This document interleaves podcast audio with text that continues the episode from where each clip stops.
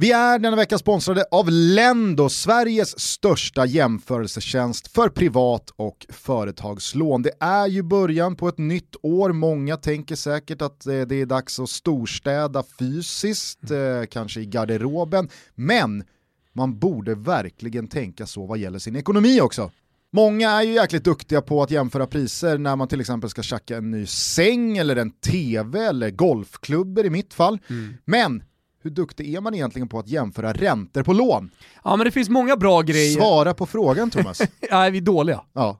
Så är Riktigt dåliga. Du är dålig, jag är dålig. Många är säkert som oss. Ja. Men ta då hjälp av Lendo. En ansökan och jämförelse tar bara någon minut att genomföra och du får ofta svar bara inom en minut. Det är eh, helt kostnadsfritt att göra en ansökan och man kan ansöka och jämföra lån upp till 600 000 kronor. Viktigt att säga också att ansökan inte är bindande. Går det i lånetankar, börja alltid på lendo.se. Vi säger stort tack till Lendo för att ni är med och möjliggör Toto Balotto. Stort tack.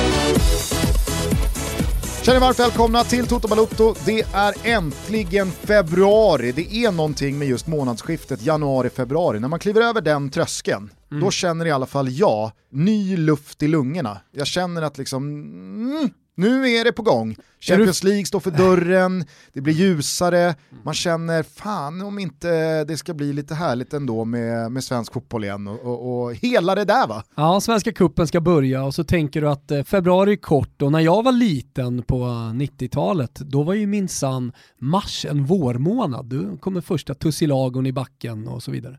Men eh, det är långt kvar Gusten. Äh! Var inte så jävla negativ. Jag, jag väljer glädjen denna så dag. jävla negativ var jag inte. Eh, innan Thomas Wilbacher eh, sveper igenom helgen så måste vi väl ändå börja i Kim Bergstrand-gate här. Just det. Du har hängt med på vad som hänt?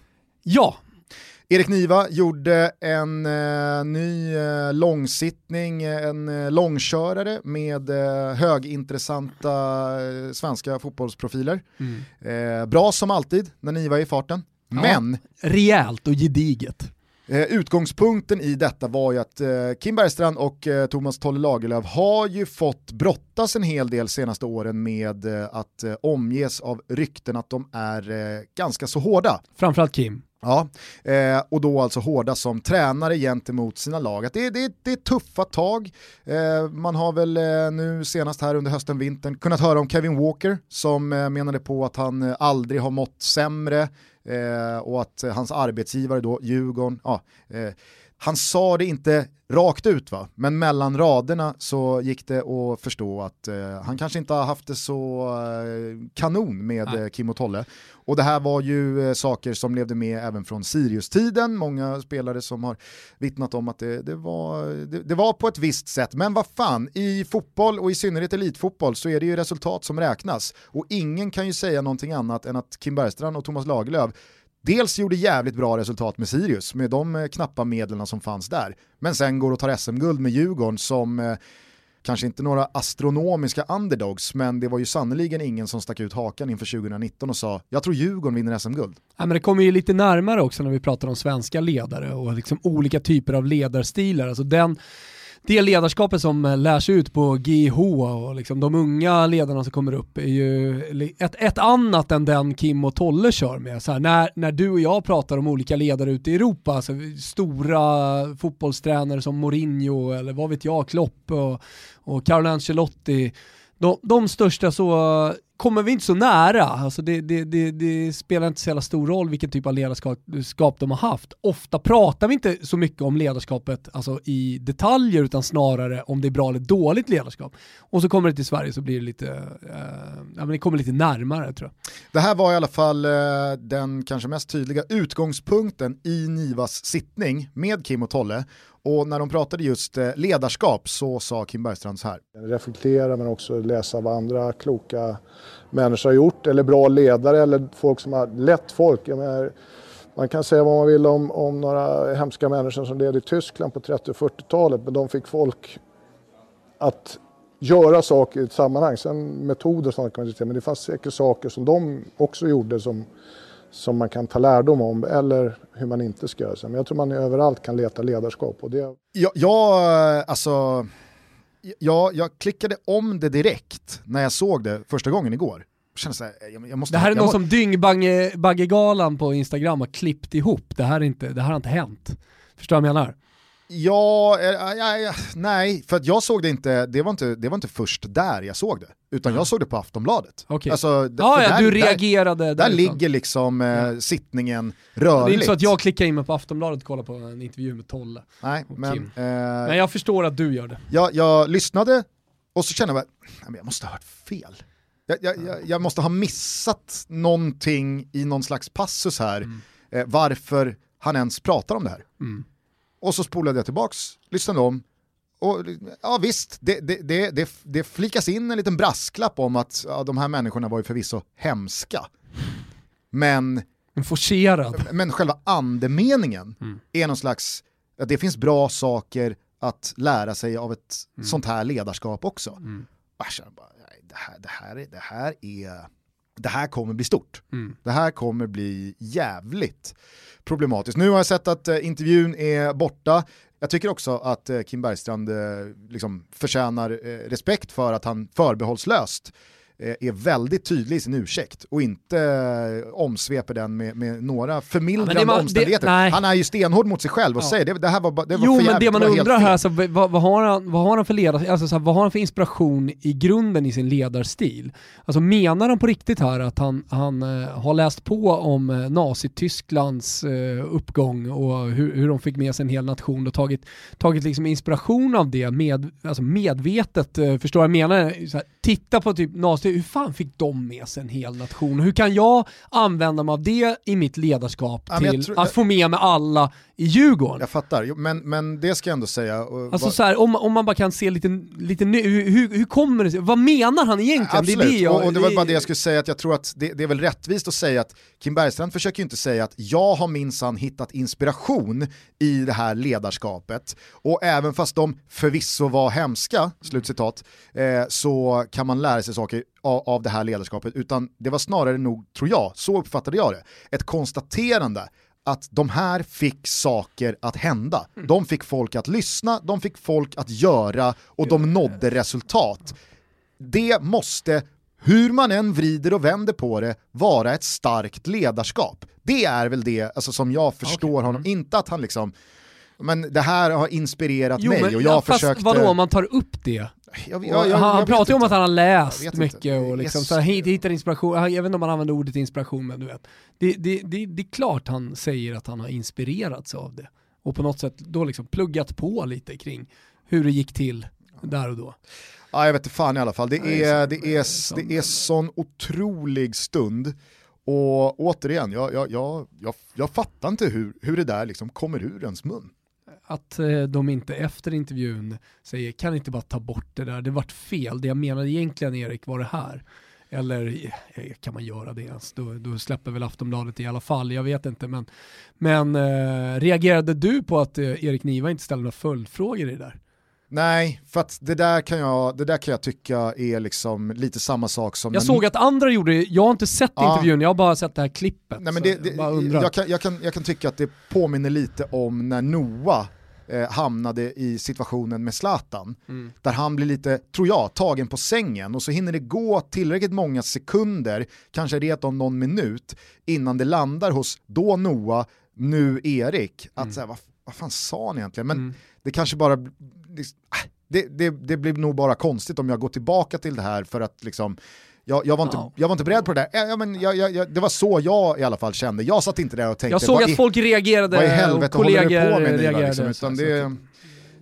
Ni, ni var fantastiskt men nog, nog, nog hade en följdfråga kunnat komma upp där för, för att förstå då vad fan han menar i och med att jag och många andra inte riktigt fattade. Kanske. Eh, jag vill hur som helst bara läsa här från eh, div.se och, och, den då väldigt tydliga ursäkten som Kim Bergstrand ger här. Eh, I fokus för stora delar av samtalet som under söndagen den 31 januari publicerades på aftonbladet.se stod ämnet ledarskap på agendan. Kim Bergstrand gjorde under intervjun bland annat historiska referenser till Tyskland under 30 och 40-talet där det uppfattades som att han hyllade den tidens auktoritet. Citat, jag är medveten om att det jag sa kan feltolkas. Jag ber hemskt mycket om ursäkt för mitt val av referens. Jag står inte för dessa typer av åsikter som associeras med den tidens grymma, sorgliga och mörka tid. Mina ordval och resonemang var illa valda och jag är ledsen för det, säger Kim Bergstrand. Jag fattar fortfarande inte vad han i så fall menade. Skitsamma, kan vi gå vidare för det har spelats massa fotboll? Ska vi ta ett svep eller? Ja men det tycker jag. Det är hög tid för att återigen höra Wilbur José harkla sig, stämma upp och ge oss det bästa från fotbollshelgen som varit. kör vi! Och vi börjar med att rikta strålkastarna på den engelska bollen och då har vi att rapportera om en furiös Carlo Ancelotti efter att hans man har stått för en anmärkningsvärd invikning av kön. 2-0 Newcastle som alltså tog sin första seger sedan den 20 december. Här skulle jag direkt vilja säga att jag står inte för invikning av könsägningen. City löste en liten 1-0 mot Sheffield och leder nu Premier League med tre pinnar trots att man har en match mindre spelad än konkurrenterna. Ja, och på tal om konkurrenterna, eller vad man ska kalla dem, Liverpool latchade ner West Ham i brygga. United fick bara kryss på Emirates och Leicester, ja de torskade lite överraskande hemma mot ett inspirerat, riktigt sånt här härligt Bjälsa Leeds. Höga jävla toppar, det har de sannoliken Leeds. Mourinho, som en gång, bland annat av mig, talades om som en kandidat till titeln har nu halkat efter rejält. 33 poäng, visserligen även de en match mindre spelad, men hela sex efter Leicester som just nu innehar fjärdeplatsen. Jag skulle vilja säga något om Wolves säsong Gusten. De torskade i helgen med 1-0 mot Crystal Palace, men jag kan inte riktigt sätta fingret på det. 14 plats, torsken mot Palace. Ja, men kanske har du någon klok tanke här, Gusten. Slutligen om jag är förvånad över att Graylish fortsätter att inkassera poäng på kontot. Oh nej. Oh nej. Ja, men som ett litet eh, fräscht inslag eh, i detta svep så kör vi skytteliga-ledarna, eller skytteliga-toppen. Eh, Salah 15, Kane 12, Son 12 och så Jamie Vardy tillsammans med Bamford, Calvert Lewin och Bruno Fernandes på 11.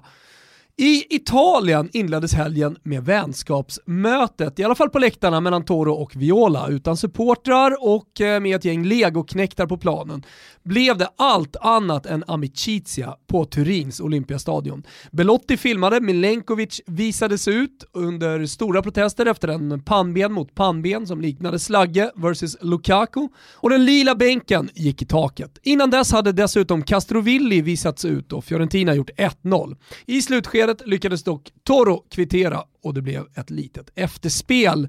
Nåja, oviktigheter det där. I toppen vann de tre randiga, men inte bara. Även Roma, Lazio och Napoli segrade enkelt och toppen ser sannoliken ut som under gamla goda dagar. Randigt, sen huvudstad och stolt söder. Stor seger för övrigt av Genoa som bjöd på tre pärlor nere i Kroton, bland annat efter en doppietta av Mattia Destro. Den 29-årige för övrigt prime-ålder på en nummer 9, har gått från hånad, bortglömd och iskall till en stark kandidat i Mancinis EM-trupp. Åtta i de senaste åtta matcherna och jag fullkomligt älskar de sena blomstringarna. Forza Mattia, min gubbe, hela vägen till nästa skada. Ja, men vi kastar såklart också in en liten midseason-check i skytteligatoppen. Ronny 15, Luckan 14, Chiruccio 13 och så Slagge då på 12. Ska jag nämna Jao Pedro på 11? Nej, det skiter vi Hänger du med nu Gusten? Ja. In Deutschland, Bundesrepublik, können wir Hamburg in erste Plätze gesehen in zweite Bundesliga. Matthias Gornscher Mannschaft Bochum und äh, Holstein Kiel wollen auch in Bundesliga avancieren. Aber es ist die Rothosen von Hamburg, dass die erste Plätze haben und ja, jetzt kommen wir! Hier kommen wir! Fuck Bremen! Und Bayern München will äh, Meister bleiben und so weiter. Torjägerliste, Robert Lewandowski 24, André Silva 16, Erling Braut Holland 14. I Spanien åkte Real Madrid på torsken mot Levante och tillsammans med krisande Barcelona parkerar man nu 10 poäng bakom Atletico som såklart vann igen. Nåja, La Liga är avgjord så låt oss ha lite kul med Alexander Isaks bomber. Ny kasse, sjätte totalt i ligan och vinterformen håller i sig. Han är dock inte nära någon skytteligatopp, där stoltserar nämligen Luis Suarez, 14, Messi och Enisiri på 12 och så Benson ihop med Villarreals eh, Moreno på 10. Franken, ska vi ta Franken eller? Nej, vi skiter i det.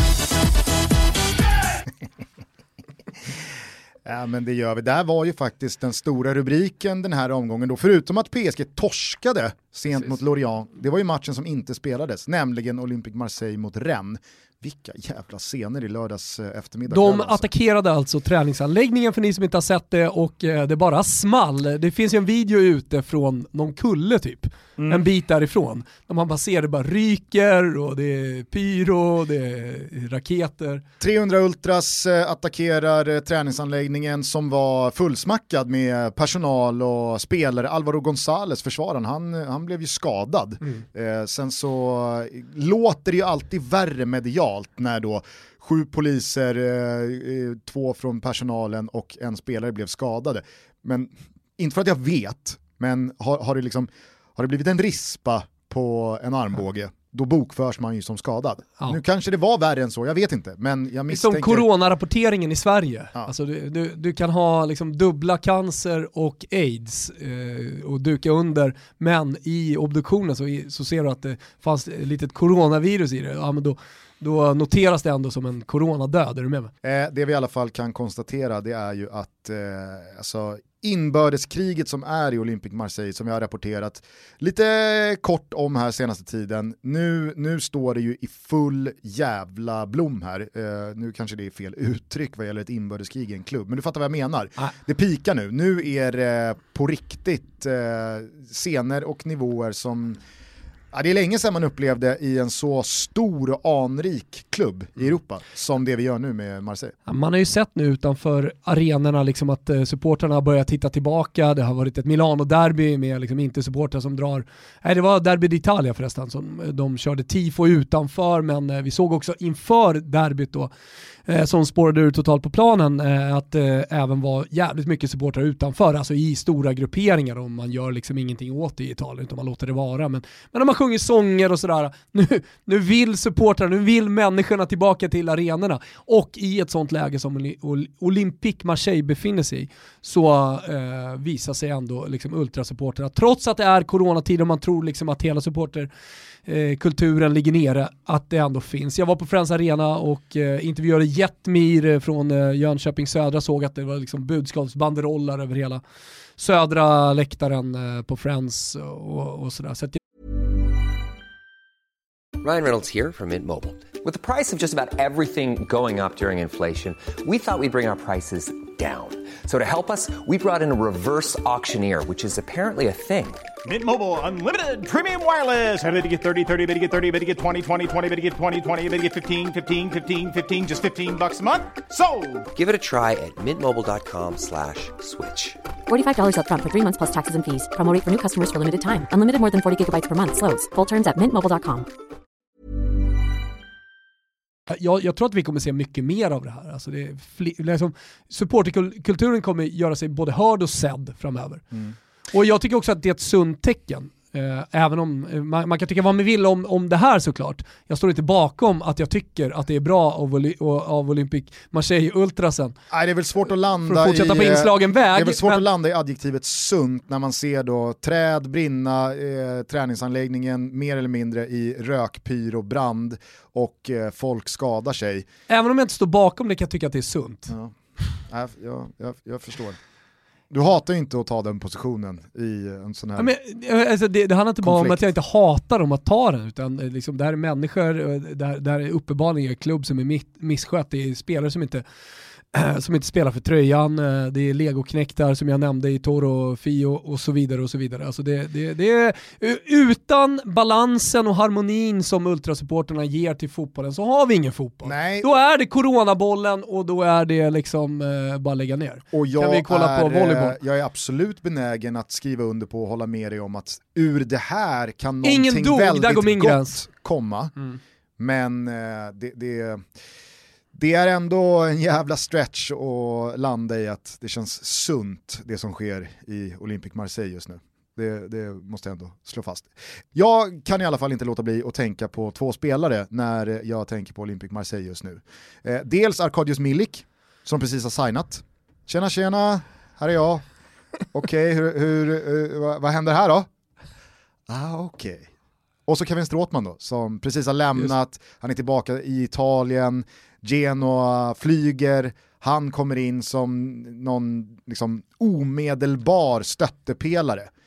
Jag tror att han känner, åh, Åh nej. nej, snarare tvärtom. Jag tror att han mår, eh, han mår nog ganska bra eh, i sin egen eh, vardag och presens just nu.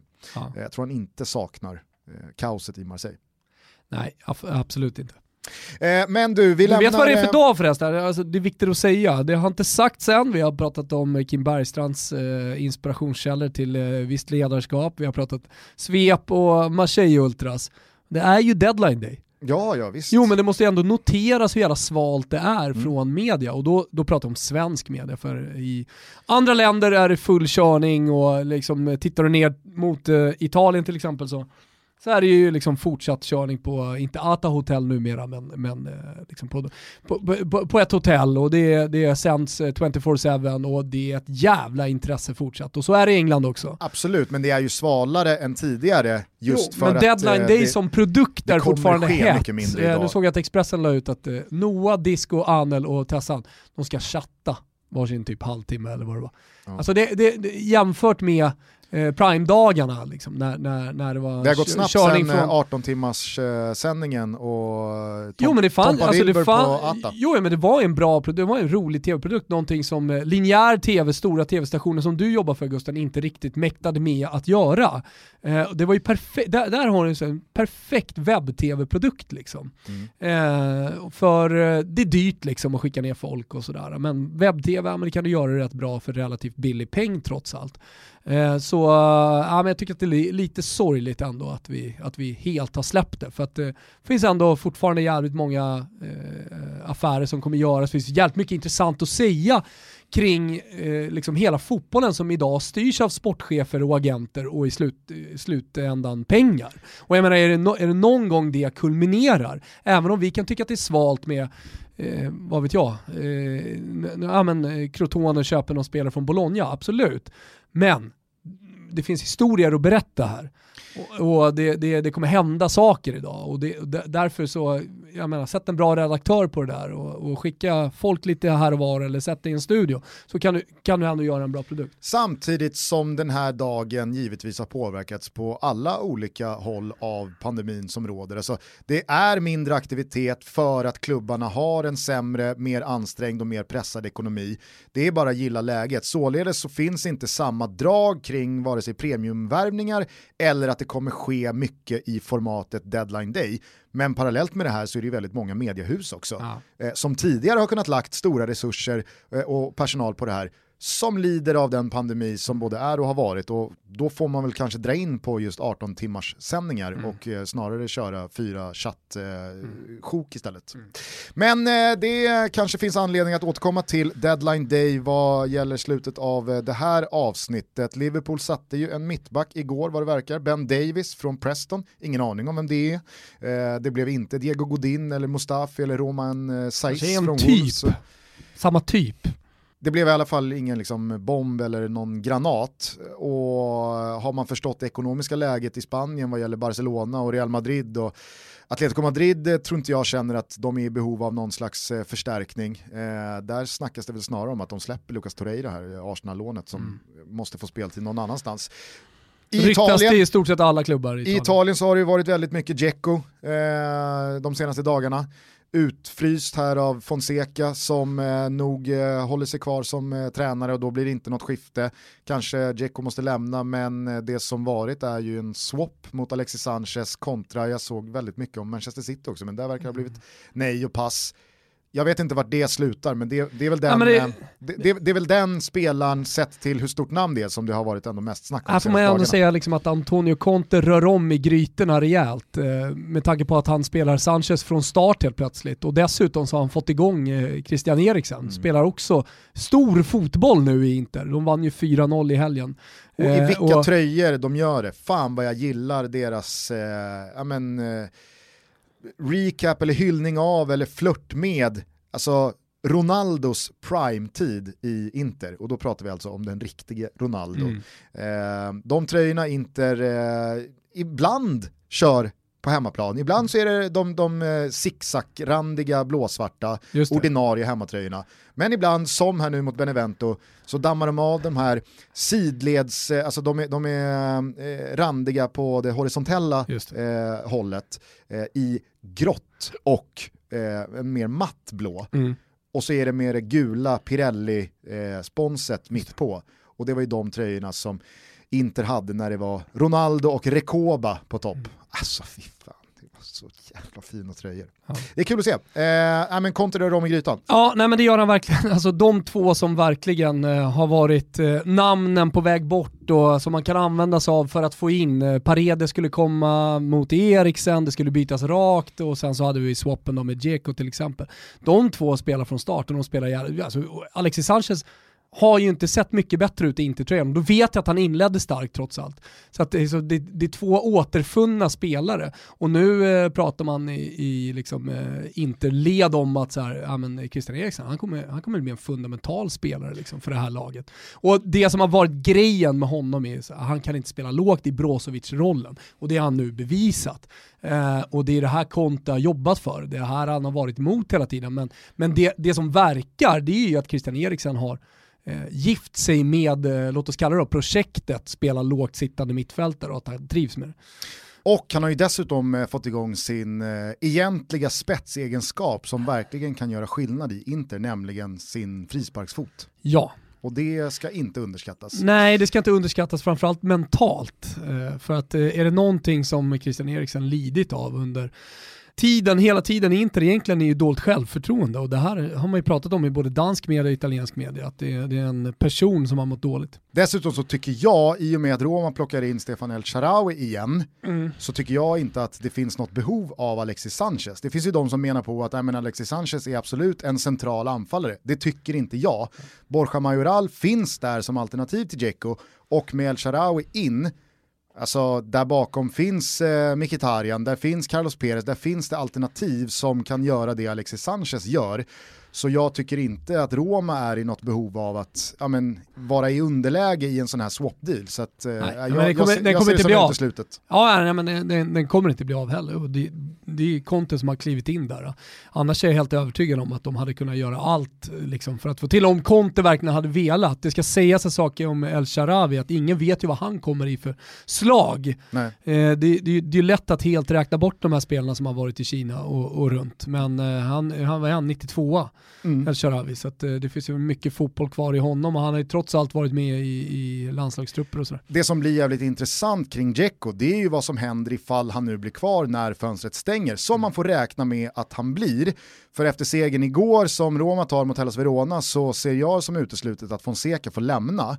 Och då har man ju en situation där lagkaptenen Dzeko har exkluderats och jag sa det igår i Fotbollssöndag Europa, att Edin Dzeko med den status och med den historien och med den lagkaptensroll han haft, så är ju inte det vilken spelare som helst som går att flytta på hierarkiskt. Mm. Det är en spelare som ska spela längst fram och vara referenspunkten och lagkaptenen och galjonsfiguren. Det är inte en spelare som hux flux kan bli nummer två som ska hålla på och hoppa in sista 2025 för det tror jag bara rör om saker på ett negativt sätt. På tal om ledarskap då, här är ju Fonseca stenhård. Han vägrar ju vika en tum. Han hade inte med honom i truppen och det förväntas vara ganska svalt mellan dem även fortsättningsvis. Hur mycket kommer han spela fram till sommaren? Eh, för det verkar ju som att Fonseca inte alls är med på någon slags förlikning här, alltså i form av inte pengar förlikning utan förlikning att eh, båda ber om ursäkt på något sätt. Utan eh, Fonseca, han, han, vill, han vill visa vem det är som bestämmer i det här laget. Och det kan man tycka vad man vill om, men eh, när det gäller fotbollslag och liksom hålla ihop omklädningsrum och sådär så tror jag att det kan vara viktigt ibland för, för en tränare att visa sig lite stark. Ja, nu är vi ju på deadline day-snacket så då kan vi lika gärna ta det i mål. Är det någon annan spelare eller någon annan klubb som du följer lite extra noga i idag? Liverpool har ju uppenbarligen gjort sitt, får man ju utgå från med Ja. den här Ben Davis. Ja. Är det någon annan du, du tänker på? Nej, absolut inte. Jag tror att det är just den här typen av eh, Ben Davis-värvningar som eventuellt kan, eh, Eh, kan bli av. För att eh, dels så finns det inga stora spelare för lag, alltså mästarlagen, typ City och, och Liverpool och Barcelona och Real, alltså de kan inte förstärka sina lag. Eh, Det skulle vara nästan eh, chockerande om en eh, skulle lämna ett lag för ett annat oavsett om man byter liga Eh, i, mitt, mitt i januari när det stundar Champions League om två veckor. Du vill inte, liksom inte hålla på och rubba. Så, så att det- det, det handlar ju, egentligen handlar ju januarimarknaden för alla om att reparera sånt som man har missat under, under sommaren. Och där, där ser man ju lag, alltså inte de stora lagen, men alltså i, i nedflyttningsstriderna. I Italien så har du till exempel Parma som har gjort väldigt mycket, värvat in Andrea Conti för i Parma-mått mätt mycket pengar. Du har eh, Torino som eh, har halkat eh, efter och är på väg att eh, liksom damma ner i Serie B i ett så här monsterprojekt där ägaren Kairo har pratat om att man ska ta Europa, eller man ska till Europa och sen liksom ta sig upp i något slags toppskikt i, i Italien. Och Kairo är ju en mäktig mediaman som äger tv-kanaler, han har delägarskap i La Gazzetta dello Sport och så vidare. Så att, jag menar så här, det här, det, han vill någonting med Torino och om man kollar på laget med så här Belotti och den typen av spelare så, så är det ju Torino som ändå satsat. Och det är Torino med muskler för att vara ett litet lag som ändå kan gå in och göra någonting här nu. Sanabria såg jag var klar till exempel, eller ska bli klar, för, för, förväntas vara klar. Men i England så är jag ganska övertygad om att det inte kommer hända speciellt mycket just idag. Milan var ju det laget som behövde agera med tanke på hur mycket skador man haft i truppen och det läget man eh, satt sig i tabellmässigt. Och de agerade ju. De tog in Ja. Tomori från Chelsea och de har tagit in Mandzukic. Att, eh, Skickligt av Paolo Maldini. Det, det, det, det, får man ju eh, verkligen säga Tomori som gick in direkt och gjorde det faktiskt eh, riktigt bra. Mm, mm. Det får du hålla med om. Och sen Mandzukic blir ju viktig på, på, över tid liksom i ledarskap. Om man ska vinna scudetto så behöver du skallar i ett omklädningsrum och han har ju definitivt det. Ja, vi får väl se om det smäller till här nu under måndagen. Eh, Anel Ahmedhodzic har ju ryktat starkt till Atalanta för någonstans runt eh, 8 miljoner euro. Malmö sitter ju dock ganska bra på det. De behöver inte sälja nu eh, och jag tror att eh, Ahmedhodzic eh, inte behöver deppa ihop allt för mycket eh, ifall det, Det är väl skulle farsan innebära... som reagerar om det inte säljs. Ja, jag vet, han är väl mest du- på Rosenberg. Ja, han, om man är lack på Rosenberg och är så tydlig med det i media och där hans son går ut och liksom försöker förmildra omständigheterna lite grann och, och liksom, ja, han, han märker att eh, de är snett på det. Då kan väl lacka till dem, alltså likt eh, Haksabanovic gjorde själv visserligen, då, men när Hunt inte ville sälja. Ja, vi får väl se om det blir någon eh, Kim Källström-värvning till Arsenal eh, eller någon av eh, de större klubbarna som agerar med Men det är någon det annan jag menar, det är det Men jag tror inte intressant. det. Nej, man tror inte det och det, det, det är höga odds på att det ska hända någonting stort. Men det är det som är så intressant, det är därför man ändå vill följa rapporteringen, därför man vill vara liksom pigg på telefonen och, och se allting som händer. Eh, nu har ju sociala medier brett ut sig mycket mer och alltså folk, eh, man kan läsa Twitter snarare än en chatt eller vad vet jag, eh, en, en Man kan, sändning. man kan vara aktiv på Tinder för att numera eh, se vad som händer på Är det så? silly season-marknaden. Ja, Stefano Vecchia dök ju upp på Tinder i Norge och således så kunde man lägga ihop och ett att han skulle till Rosenborg. Igår så var det ju någon spelare från Degerfors som dök upp på Tinder i Bodö och eh, således mer eller mindre bekräftade att det blir Bodö Glimt för eh, hans eh, del. Eh, så att, det, det är sannoliken nya tider vad gäller att införskaffa sig informationen kring övergångar. Om vi ska ta en brygga härifrån till det du tog upp i svepet så frågade du lite om Wolves. De agerade ju med tanke på Raúl Jiménez huvudskada. Ja, vad händer där? Nej, de tog in William José Ja, vi- jo, från Real Sociedad. Absolut, men vad händer med huvudskadan? Nej, så det, det man kan eh, höra från eh, Nuno det är att Raúl Jiménez har börjat jogga. Eh, men han är väl någon månad, en och en halv bort tror jag, eh, innan han Rejäl, eh, spelar någon U23-match igen. Men för att svara på din fråga och din fundering i ett större perspektiv så tror jag att Wolves lider lite av det som ofta sker med nykomlingar som kommer upp och gör det jäkligt bra. Man gjorde det ju på ett spännande sätt också med Jorge Mendes kolonin av portugiser och spelade en fotboll som var jävligt vägvinnande. Men Motståndare, de lär sig. Det, det är samma sak som vi ser kring eh, Liverpool eller eh, vi förmodligen kommer se kring eh, Atletico Madrid om något år. Eller Milan. Milan, ja, ja absolut.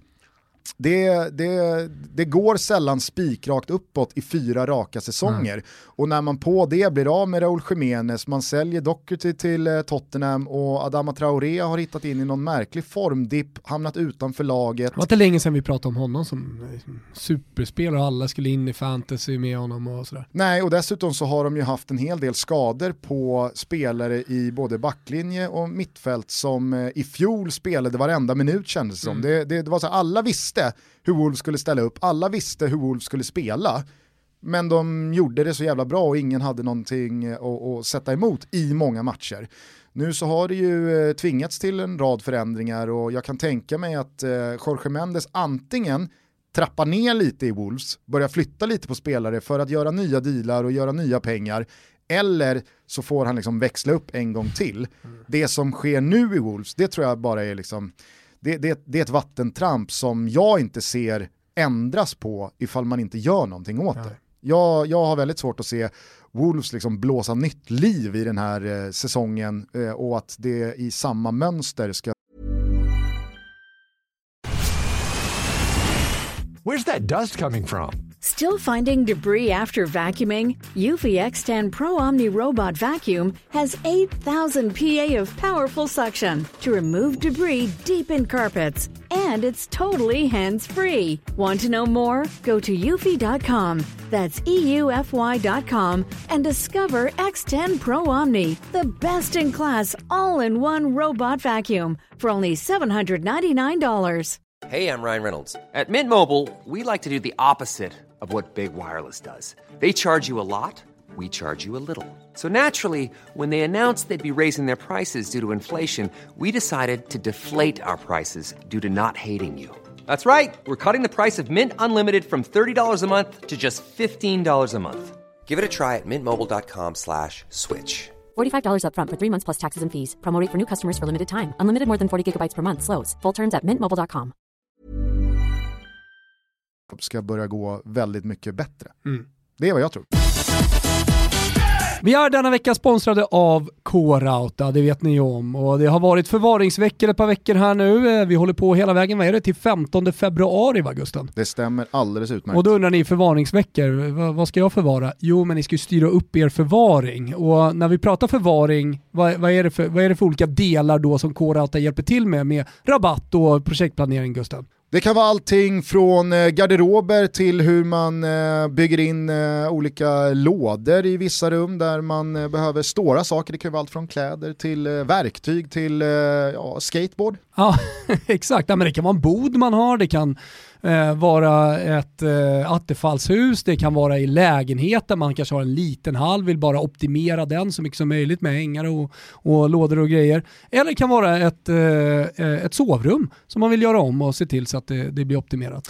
Hitta inspiration, få råd och svar på dina frågor, men framförallt boka en digital projektplanering på korauta.se för att få till det här så bra det bara går.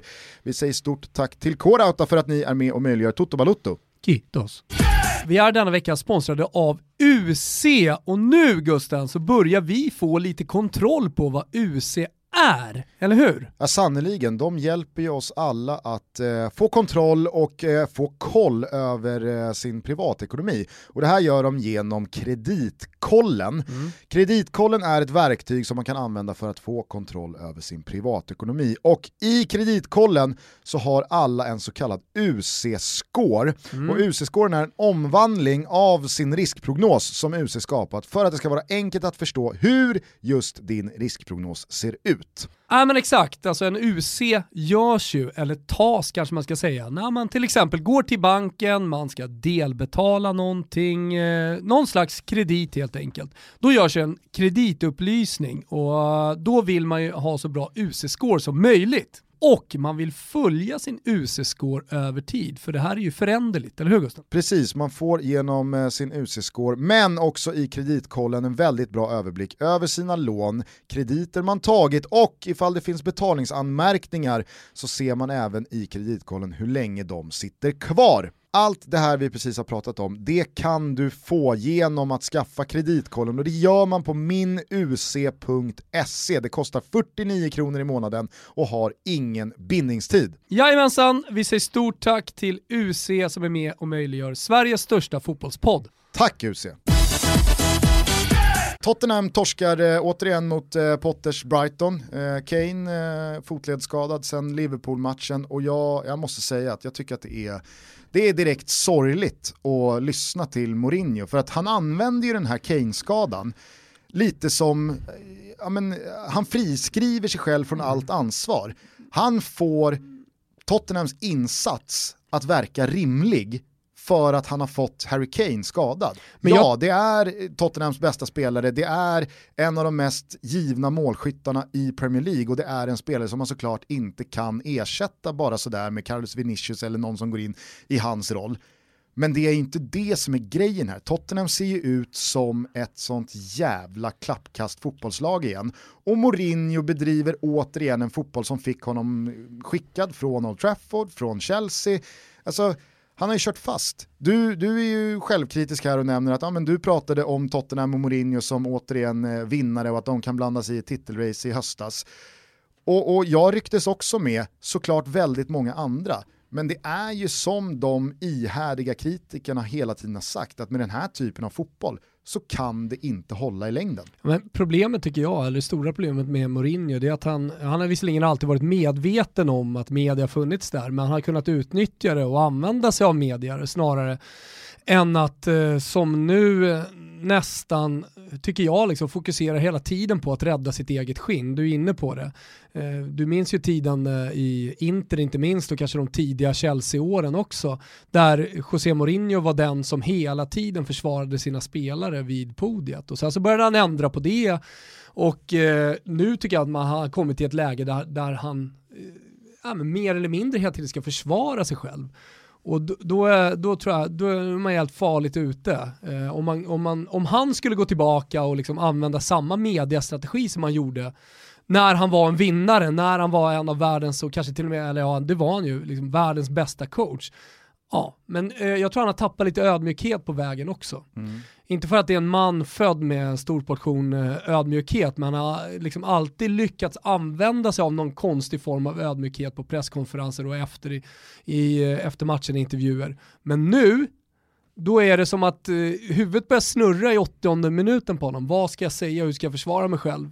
När back, micken kommer. Och backar man bandet ett år, många har ju sett den här uh, All or Nothing-säsongen med uh, Spurs, uh, då, då, då, kunde man ju ändå nicka med och förstå vad Mourinho menade och köpa att Nej, det här är för många skador som inte han kan styra över. Han hade dessutom bara varit på jobbet i två, tre månader. Att mm. Det är orimligt att kräva mer av en spelartrupp som inte han har varit med och format, att han direkt ska liksom få ut max av den mm. och så mm. kommer långtidsskada på Kane, det kommer långtidsskada på Son, det kommer långtidsskada på nyförvärvet Bergwijn. Det, ja, men det, det, det, gick ju bara i ett. Så då köpte man ju he, liksom på ett helt annat sätt att ja, men nu strugglar Spurs och det är inte Mourinhos fel. Men nu har det ju gått ett år, nu har han fått sätta sin prägel på det här laget. Han har fått ganska många värvningar på plats också i eh, det sommarfönster som var. Och då finns det ju inte alls samma utrymme längre för honom att peka på andra faktorer än sig själv. Mm. Det är hans fel att det ser ut som det gör i Tottenham. Och när det ser ut som det gör så är det inte konstigt att förlusterna börjar hopa sig. Mm. Men när kommer han erkänna att han har gjort fel?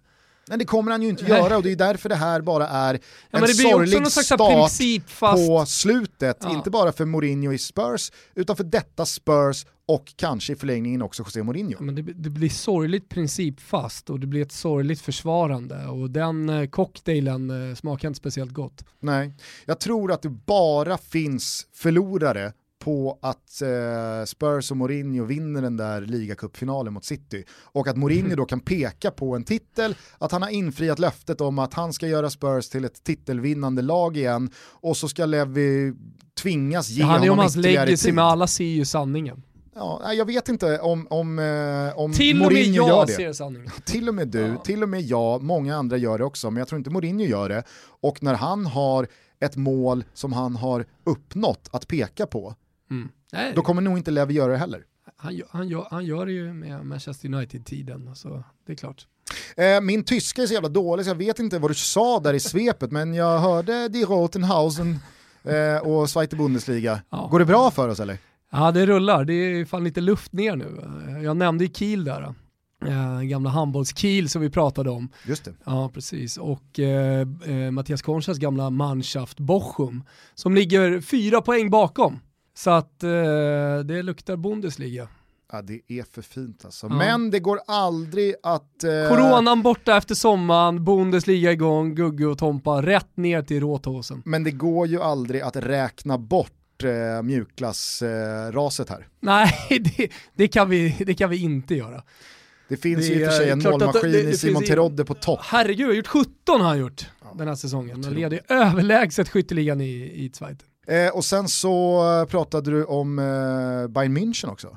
Ja, jag bara nämnde att det var liksom att, eh, att de fortsätter vinna. Alltså nu, du sa det redan förra veckan att eh, nu spelar det liksom ingen roll vad de andra lagen gör för att nu har de skaffat sig den här sjupoängsledningen och den tar man inte in på, på Bayern München från februari in i, in i maj. Det, det, är liksom, det har aldrig hänt höll jag på att säga, inte vad jag kan minnas i alla fall i modern tid. Jag såg eh, matchen mot eh, Hoffenheim För här bra, i liksom. eh, lördags och det är faktiskt kusligt att se Bayern München med den offensiva armada av spelare de ställer upp. Och då pratar jag inte bara om Lewandowski, Müller och Serge Gnabry, utan här är det liksom så här, när, när, när Pavard kommer där eh, och fyller på, han är ju lika mycket offensivt hot som, som Lewandowski. Ja. Det är helt sanslöst och på andra kanten så kommer Kingsley Coman, nej men du vet, de bara fyller på med spelare som alla vill göra mål, som alla eh, vet att ja, men, gör vi bara jobbet så kommer vi göra 4, 5, 6 mål. Så det, det, det finns ju inte den här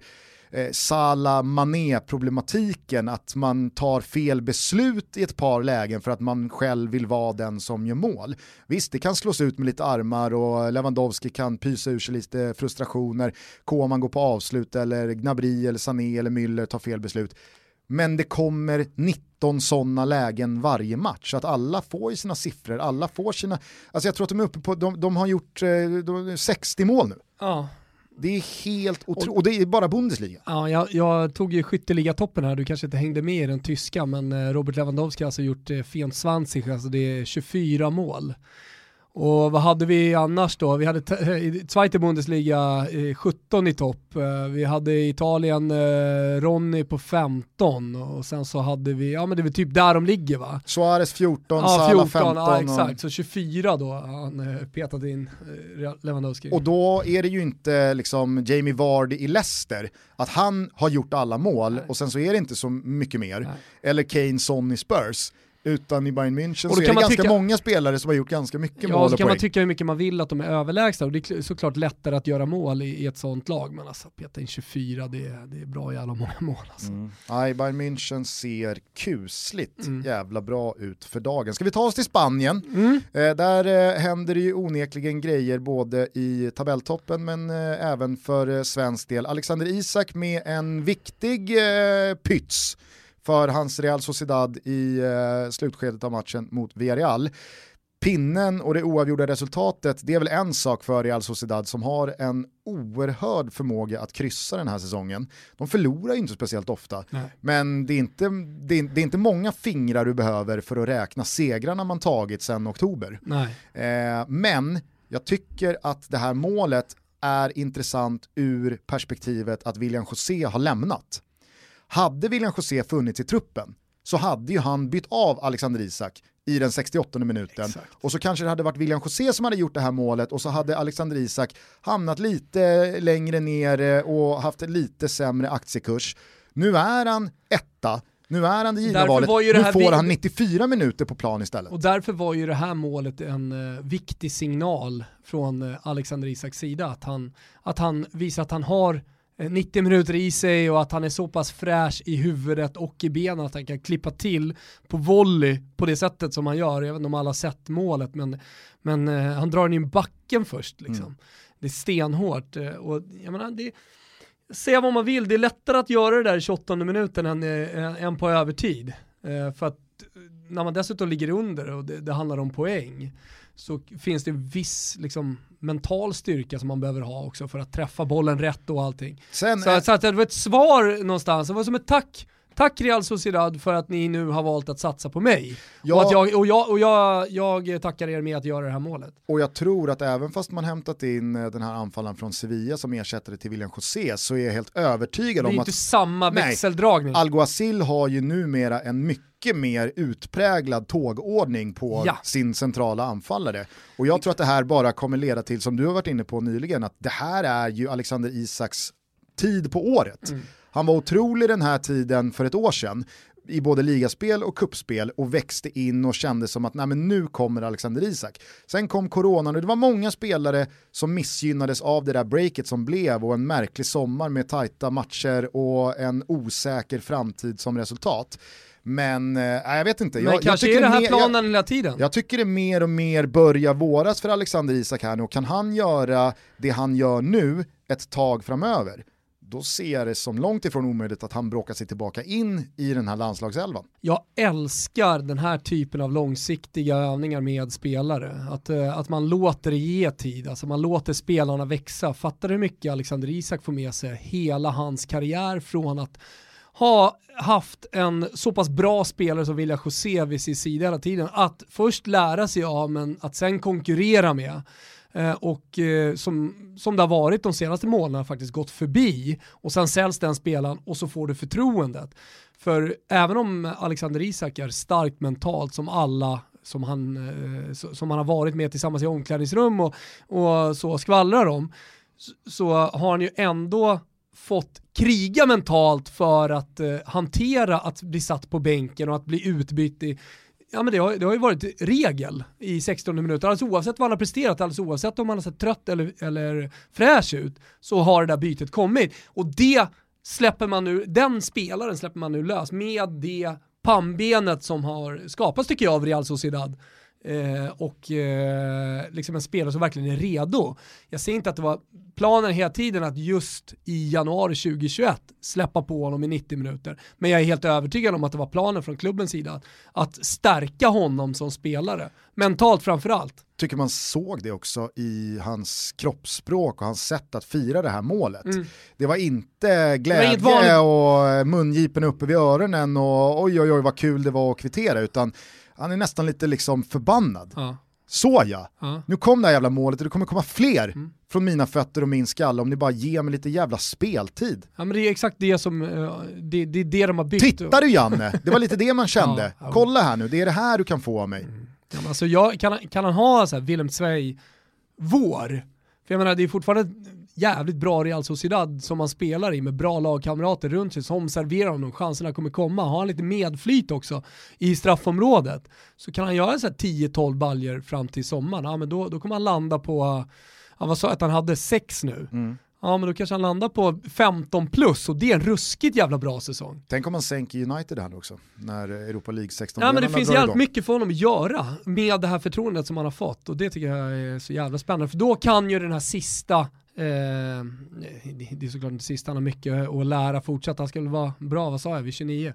Eh, men han kanske inte är den spelartypen som Mattia Destro direkt, utan han, han kan nog leverera redan nu. Men, men du förstår vad jag menar. Kan han göra det nu och verkligen eh, eh visa, tacka för förtroendet och, och, och spela sådär bra som man vet han kan göra, då, då tar han nästa kliv, då blir han intressant för storklubbarna för att han spelar i en klubb precis bakom dem. Och alla kommer ju ihåg vad det innebar för honom eh, rent ryktesmässigt, medialt i Spanien efter att ha sänkt Barca, efter att ha sänkt Real Madrid förstå vad det innebär att sänka Manchester United. Visst, det är Europa League. Är det och det, är vi en... jobbar nu? Nej men jag säger Ja. bara att det är Ja, Europa League och det är en det. 16-delsfinal. Men att vara tungan på vågen mot ett sånt lag när fler än bara de i Spanien tittar, det tror jag innebär mer än vad många tror. Mm. Ja, nej, men eh, det tror jag också. Eh, framförallt, det stora här är ju liksom förtroende och alla, alla spelare mår bra. Om du pratar om Christian Eriksen tidigare och självförtroende och allting sånt. Det, det har vi erfaren spelare. Vi eh, brukar ju aldrig dela ut några ligabucklor i januari. Tur då att vi har vänt blad i kalendern och skriver februari, för nu gratulerar vi väl eh, Diego Simeone och Atletico Madrid till ligatiteln. Det är 100%. 10 poäng ner till Real och Barca med en match mindre spelad för de rödvita. Jag, eh, jag ser inte hur eh, Atletico Madrid ska torska tre matcher, eh, men jag tyckte att Astrid sa det bra i Fotbollssöndag Europastudion igår, att okej, Atletico Madrid ska torska tre matcher, men de andra lagen ska också vinna alla sina matcher för att käka. Och den stabiliteten visar ju inte Barcelona eller Real Madrid upp. Alltså Real Madrid utan Sergio Ramos, vilket lag det är i skillnad. Eder Militao, jag vet många kan, många kan med, med fog mena på att. Luka Jovic är den sämsta värvningen de gjort på år och dagar. Men jag vet fan inte om Eder Militao är där och nosar. Alltså den säsong han gör, och då tänker jag främst på den här insatsen mot Shakhtar Donetsk eh, i, i Champions League i höstas. Och så nu då när han går in eh, och, och ersätter Ramos igen, utvisad efter eh, 7-8 minuter, är återigen anledningen till att Real Madrid tappar mark eh, för att försvara den här ligatiteln. Inga bonusar. Han ser ju också så jävla dum ut. Alltså han har, eh, hans, hans uppsyn är liksom, det här, eh, David Luiz har ju alltid fått lida av det där med hans hår. Att, eh, Ser ut som en clown. Ja exakt, är sideshow Bob, frisyren, Mm. den, den spär bara på att pff, här, här ligger det alltid en, en tavla i luften. David Seaman fick väl också liksom så här, hade David Seaman inte haft hästsvans så hade ju han lagt av med ett mycket bättre rykte Mm. än vad många minns honom som nu. Vad tyckte du om eh, Torino-ytten Singos eh, lilla, lilla nacktofs? Alltså det är ju en sån här Ronaldo-grej, vänta jag måste vara unik på något sätt i, i, i mitt hår. Med det namnet så ska man ju kanske inte lägga sig till med Det, det märkliga blir ju någon, det, alltså, när han heter Singo, nu visserligen med S och inte Z, men, men eh, det blir ju på något sätt eh, att man tänker ju Singo hela tiden. Ja. Och så blir man sugen på, på apelsindrycken. Nej, men, eh, jag, jag tror att många eventuellt förstår vad jag menar med det Militao. Han, han är liksom så här, han, han, han ser inte ut att ha liksom kontroll på sin kropp.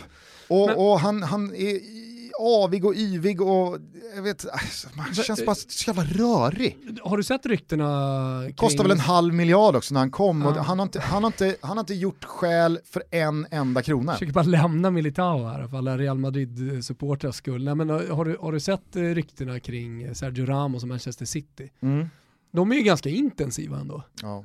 Vilket eh, på något sätt förvånar mig med tanke på hur Manchester City ser ut defensivt för dagen. Mm. Man har John Stones, man har fyllt på med Ake som en backup eh, Det mittback. är inte det, Där alltså, värva finns- Sergio Ramos. Där eh, finns Aymeric Laporte som jag tycker är en otroligt bra back, men man har framförallt sprängt banken på Ruben Diaz så Ja, sent just som det. för ett halvår sedan. Så att, ja, vad, vad ska de med eh, Sergio Ramos till? Nej, men, eh, jag, jag tror att eh, det man säger då är att vi misslyckades lite med Eik och så lånar man ut honom, eventuellt säljer honom och så tar man in eh, Sergio Ramos och så rubbas hierarkin lite Mäktigt att du i kör Eik. backlinjen. Vad sa jag? Eik. Eik. Jag har alltid så konstiga uttal på, på spelare som jag aldrig uttalar. Pratar aldrig om honom. Ah, okay. ja, nej, jag... Det finns ingen anledning att prata om honom heller, förutom nu när vi pratar om Sergio Ramos. Då, då kan han eventuellt nämnas. Det är ju en säsong som, eh, det, det har vi väl sagt hundra gånger, är speciell på så jävla många sätt och vis. Men är det inte anmärkningsvärt hur många av de stora lagen som upplever riktiga berg och dalbanesäsonger? Real Madrid har ju verkligen varit nere på botten, lyft sig, vunnit i El Clasico och rätt ut den där Champions League-gruppen eh, och, och tagit sig tillbaka in i ett titelrace och sen pang bom så, så lägger man sig ner på rygg igen och nu så är det Zidane out-snack igen och som jag är inne på, fan, när man staplar Luka Jovic, Eden Militao, Eden Hazard, alltså när man lägger alla dem på hög, ja, men vad, vad, är det, vad är det för fiasko de gör? Ödegård-situationen. Ta tillbaka honom under så uppmärksammade former från Real Sociedad för att inte göra någonting av honom och sen låna ut honom Men till det spelar ingen Arsenal. roll om du har en galaktisk historia eller hur mycket pengar som helst. Du måste fortfarande ha en sportchef som gör ett bra jobb, för annars kommer du inte lyckas. Och sen så har ju du många Jämför med gånger... Atletico eh, Madrid. Du har ju många gånger tagit ganska lätt på Achraf Hakimi då till Inter för att Real Madrid är Real Madrid och vill de så kan de ta tillbaka honom med en bra jiddrat lite övergångssumma nu också. eh, liksom framgent. Men det är också en pusselbit i Real Madrids senaste år transfermässigt som Definitivt. hamnar på minuskontot, tycker jag. Ja, det är klart att du gör det. Alltså, det, det är på något sätt, på något sätt som eh, Martin Åslund skulle ha sagt kapitalförstörelse. Eh, att, att arbeta så som Real Madrid gör, så kanske de har utrymme att göra det, men ändå. Eh, ja, det, det är deras sätt att nå framgång på på något sätt, att inte låna ut till mindre klubbar utan man lånar ut stora spelare till större klubbar så de lär sig vinna och sen så tar man dem. Eh, däremot så verkar det inte ha funkat speciellt bra. Så eh, eh, den den senaste tiden ska jag säga. Nej, fan vad det är många öden som ska avgöras här nu i februari när Champions League drar igång igen, Europa League är tillbaka och det kommer utkristallisera sig vilka lag som kommer haka på i antingen en titelstrid eller ett Champions League-race. Ja, jag, är, jag är fylld av förväntan på vad som komma skall här eh, kommande veckor. Alltså bara mötet PSG-Barca med allt vad det innebär eh, efter det El Mundo rapporterade om igår med Messis kontrakt och den kris som är både ekonomiskt och sportsligt. För det får man ändå säga att det är när man ligger så långt efter eh, ligaledaren som man gör. Och Koman är på plats, det är ett stundande presidentval. Åker man mot PSG här nu? Vad va, va, va, vad händer? Nej men eh, det, det jag tycker man kan eh, konstatera liksom efter de här rapporterna från El Mundo och, och hur illa Barcelona egentligen eh, mår eh, ekonomiskt, det är att Messi eh, kommer ju inte skriva på, alltså det, det är en omöjlighet. Dels så finns ju inte en jävla sekin och dels så har man gjort sig ovänner oavsett vilken ny klubbpresident som kommer. Så att eh, det, det är liksom en relation som är alldeles för skadad för att kunna repareras. Och, men sä, låt säga att man lyckas hyfsat ändå med den reparationen. Hur, ja, det finns inga pengar. Nej. Och pengar finns det i PSG och i City. Samtidigt, tror du någon, för det finns väl egentligen bara två konkreta alternativ för honom i Europa, PSG och Manchester City. Ja. Tror du de är beredda att betala vad det kostar att landa Messi? Alltså så här, vad kommer Barcelona att erbjuda? Alltså för, för det första så är det en relation som sagt som är, som är helt förstörd. Eh, men låt säga då att de vill erbjuda någonting, då är det det man får utgå ifrån. Okej, i Barcelona så erbjuds han det här. Så det kanske inte behöver bli speciellt dyrt. Men eh, jag läste någonstans att de fortfarande behöver betala Messi pengar. Ja, han ska väl ha sin lojalitetsbonus Ja, här eh, för att stanna kontraktet ut på en knapp miljard Ja, till. exakt. Till. Utöver den lön han har lyft. Och för er som inte har hängt med så eh, skickade alltså tidningen El Mundo igår ut på första sidan Messis nuvarande kontrakt som alltså skrevs under 2017. Där det framgår att om han stannar här nu hela vägen till juni så handlar det om i runda slängar 5,5 miljard. Alltså det är... Det var någon som hade det är ner det här som man brukar göra. Så under, under den här tiden som du och jag har suttit och pratat här nu så har han liksom tjänat en Ferrari. Typ. Vad, vad, är det, vad, är det, vad är det svenska exemplet? Att bryta ner. Nej men i hur många sådana här hade han kunnat köpa eh, för sitt, eh, sitt kontrakt eller det han har tjänat? Ja, vad är det? Kanelbullar. Jag tänkte säga semlor för vi är semmeltider. Ah, okay. Men det är alltid kanelbullar som används som någon slags förklaring till Annars hur är det mycket jävligt pengar det handlar om. populärt, annars är det jävligt populärt att, att köra den här eh, Zlatan tjänar lika mycket som hela laget. Eller Ja. mer än hela laget. Men det är ju så, vi har kommit så långt där. Så det skulle kunna ta hela Milan tjäna mer än, alltså varje spelare tjänar mer enskilt än hela Benevento typ. Ja, och, och, och i, i, i den här... eh, Säger väl någonting om utvecklingen kanske också. Ja, men jag skulle landa i det att i den här situationen, de här summorna, är, de är så stora så att det, det går ju inte att förstå hur mycket pengar han lyfter. Nej, de är helt omöjliga att ta in. Och jag är inte säker på att PSG eller Manchester City, som jag de ser? Nej men jag ser, jag ser bara de två klubbarna som realistiska alternativ till eh, Messi om han ska fortsätta spela Ja, på den högsta nivån i båda, Europa. båda pratar om det. Du har Pep där och sen så har du Leonardo, sportchefen i PSG som eh, pratar öppet om att eh, det finns ett bord eh, och det finns en stol till, till Messi. Och, Jag och tror inte på. att det är klokt vare sig ekonomiskt eller sportsligt att ta in en 34-årig Lionel Messi i sommar. beror på. Om man vinner Champions League i slutändan och liksom eh, trippen och liga och jag vet inte vad man lyckas göra med varumärket och försäljning av saker och sånt där så kanske man kan räkna hem det i slutändan. Men eller alldeles oavsett, vinner man Champions League, ja men var det värt det då? Är det Messi som är tungan på vågen? Sen så ska man väl komma Alltså, ihåg det- att det- det det- eh, det- alltså, 2021 så är inte Att 34... köpa en fotbollsklubb och pumpa in så jävla mycket pengar i en fotbollsklubb, bara det faktumet, är det värt det? Är värt det för vad? Alltså, de har ju mycket pengar som helst de här. Sen är ju 2021, 34 år, inte eh, längre samma sak som det var för 10-15 år sedan. Nej. Zlatan pushar 40, Ronaldo är 36, alltså det är ganska många spelare. Alla Lewando- ska spela till de Levan- är pensionärer Ja, numera. Lewandowski, Benzema, alltså det, det finns ju spelare som levererar på den absolut yttersta nivån. Luis Suarez, ytterligare en sån här spelare som också har åldern. Cavani, det, det går att göra den här listan ganska lång. Alltså, kan, alltså, kan, kan PSG eller Manchester City få ut Lionel Messis kvalitet som han visar upp idag, för att igår mot Athletic så är han ju otrolig i första halvlek. Kan man få ut den nivån i tre år? Varför skulle ja, man då inte är få det? Nej men jag tänker bara alltså att Nej, men så här, i, i, i min ryggmärg så är ju fortfarande ett 34-årig spelare Jo. en spelare som är på väg Absolut, ner och som City... förmodligen har pikat. Ja, jag vet fan. Men i City och PSGs fall så, så är det, det är undantagsfall. Alltså, så det är pengar. Vadå pengar? Det spelar ingen roll för de kan väl betala vad fan som helst. Nej men ärligt, varför skulle de annars ha en klubb och hålla på och latcha runt och, och, och, och bränna liksom miljarder varje säsong? Ja. Nej, jag vet inte. Alltså så här, du, vi snackade Bologna här. Ja, är, det, är det en bra ekonomisk värld? De har 40 miljoner, det är vad de har att röra sig på. Och de måste förstärka laget. Ja, men då är det dumt att köpa den där avdankade liraren, men fan det nu kan vara från Serie B, för 40 miljoner. Utan det är kanske är bättre att, alltså där kan vi prata om sportcheferi och om att eh, utnyttja eh, de sekinerna man har på, på rätt och bäst sätt.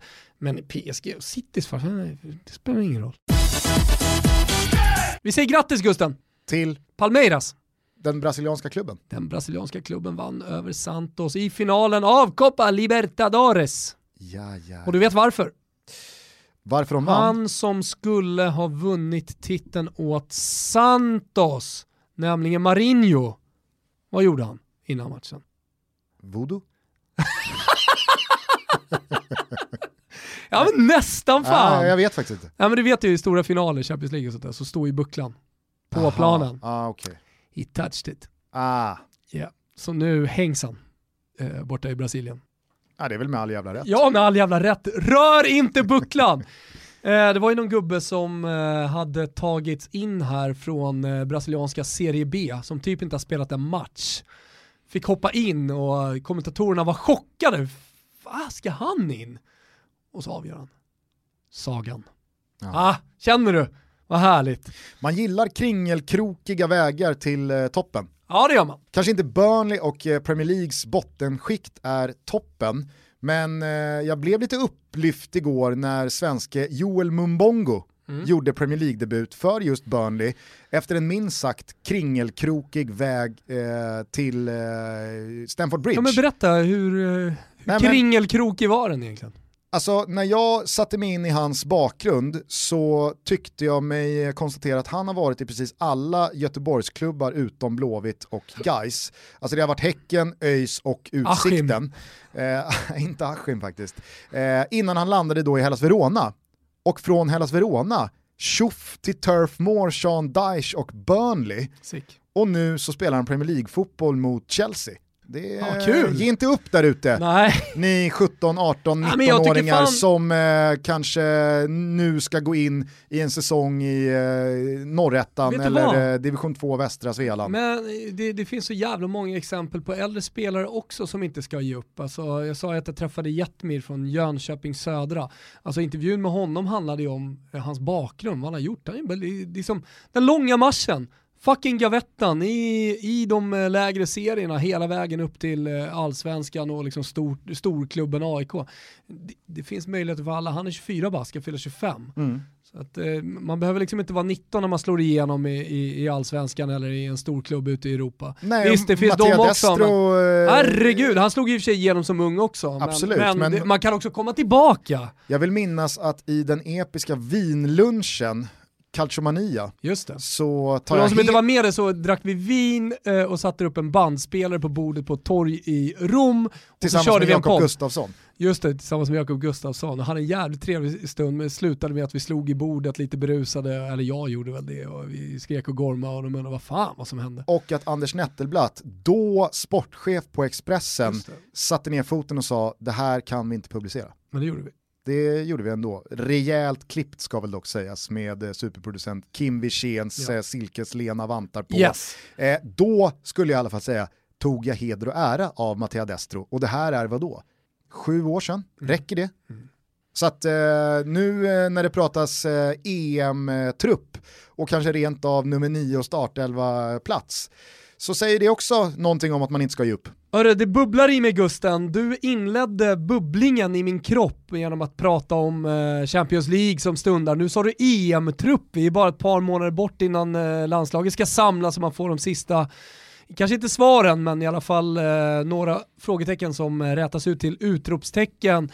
Sen har vi Svenska Kuppen, vi har Allsvenskan. Du och jag ska göra en EM-podd Gusten. Det ska vi. Ja. Tutski Balutski ska se dagens ljus 2021. Jajamensan, det var ju en stor succé 2018 inför VM. 24 avsnitt, 24 lag. Men inte bara det Gusten, vi har en eh, sajt på gång som kommer till eh, påsk ungefär. Och en hel del annat spännande, så eh, häng med i Toto, det bubblar om oss här. Det ska bli så jävla roligt! i februari! Och det händer givetvis en hel del även på Simors kanaler. La Liga oj, och oj, Serie A rullar vidare. Det är smällfina matcher helgen som kommer. Fio Inter fredag kväll. Oj oj oj vilken torsk det blir för Fio.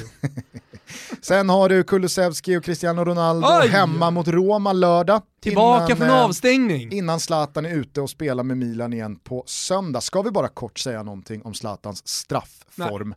Jag är usel. Ja. Man kan inte säga så jävla mycket mer. Men är det inte otroligt att det är så dåligt? Jo. Det, det stör mig. Är någonting som ska komma med erfarenhet och sånt så är det ju definitivt Shit ain't right, känner jag när right. Zlatan missar ytterligare en straff. Nej. Men det kanske behövs då för att liksom balansera upp allting, återigen eh, vad är det de säger i Seinfeld, Even Steven. Så här, om du är så jävla bra på planen och smäller in bollar hela tiden, ja men då måste någonting annat bli lidande och just för Zlatans del så är det straffarna, men då kan han ju bara skjuta över det till Kessie. Har ni skaffat ett abonnemang på Simor om ni inte redan har det? För det är La Liga, det är Serie A, det är PGA Tour Golf, det är Fotbollssöndag Europa Oj. hela våren lång med mig bakom ratten. Eh, håll ögon och öron öppna via våra sociala medier ifall vi gör något kul tillsammans med våra vänner på Betsson. Det blev nära men inte hela vägen in med Toto-trippen här i helgen. Vi tar nya tag just Vi tar nya tag och eh, gasar på där så det är bara haka på. Nu säger vi tack för att ni har lyssnat. Vi hörs snart igen. Ta hand om er. Ciao tutti! Ciao tutti! If today was not a crooked highway If tonight was not a crooked trail.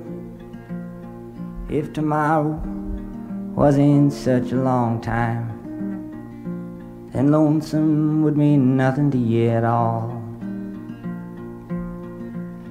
Isn't only if my own true love was waiting. If I could hear her heart is softly pounding. Isn't only if she was lying by me and I'd lie in my bed once again.